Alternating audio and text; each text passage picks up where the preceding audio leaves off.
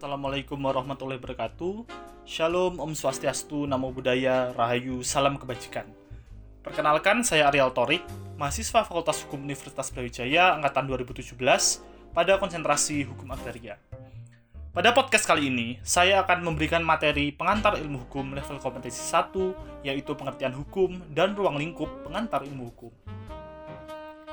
Pengantar pengertian hukum Pengertian tentang hukum sangat sulit dibuat karena tidak mungkin mendefinisikannya sesuai dengan kenyataan. Di samping itu, hampir semua sarjana hukum memberikan batasan hukum yang berlainan. Batasan yang berlainan ini disebabkan karena hukum mempunyai segi dan bentuk yang sangat banyak, sehingga tidak mungkin tercakup keseluruhan segi dan bentuk hukum dalam suatu definisi.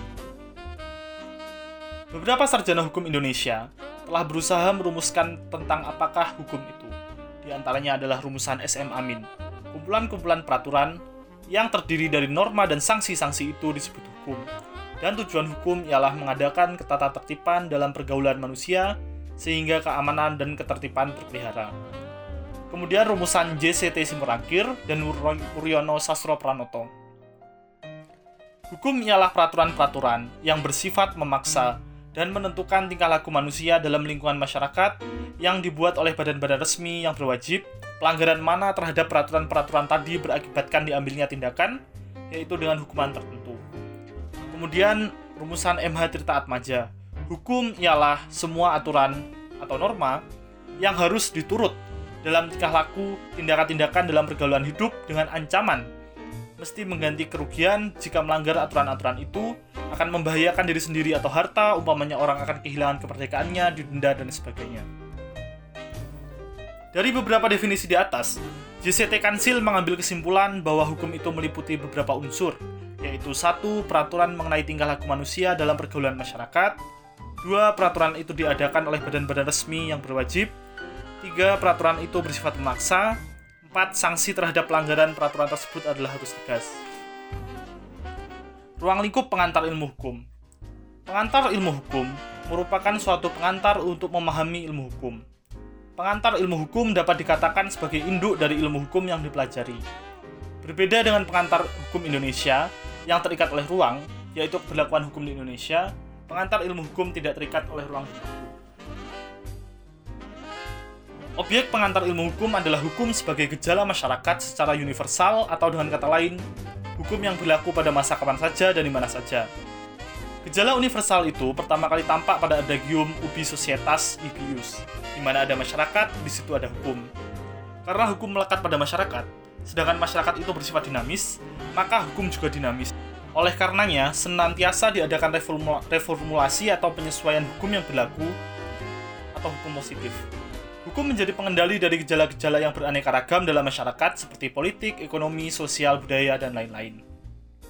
Apabila tidak dikendalikan, gejala-gejala tersebut akan terjerumus pada kekacauan dan merusak masyarakat. Di kalangan ilmuwan, keberadaan ilmu hukum menjadi perdebatan. Sebagian menyatakan bahwa ilmu hukum itu eksis, sedangkan sebagian lainnya menyatakan bahwa ilmu hukum itu tidak ada.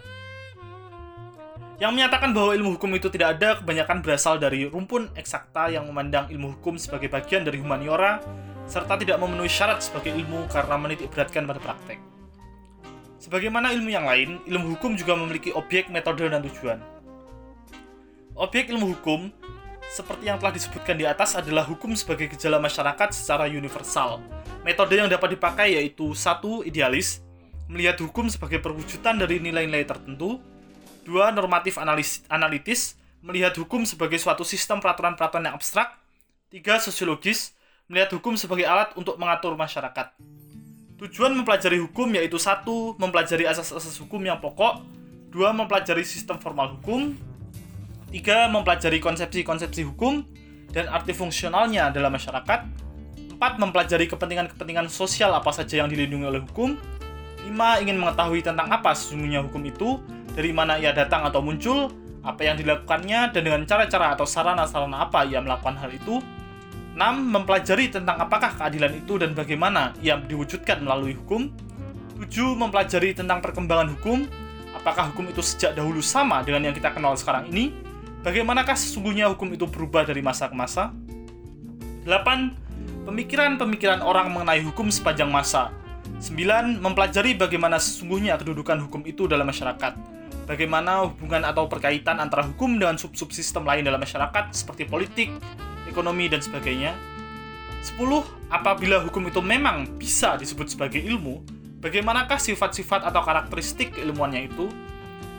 Ilmu hukum sebagai kumpulan dari berbagai cabang ilmu pengetahuan antara lain meliputi satu ilmu tentang kaidah atau norm Wissenhof atau Solon Wissenhof yaitu ilmu yang menelaah hukum sebagai kaidah atau sistem kaidah-kaidah dengan dogmatik hukum dan sistematik hukum.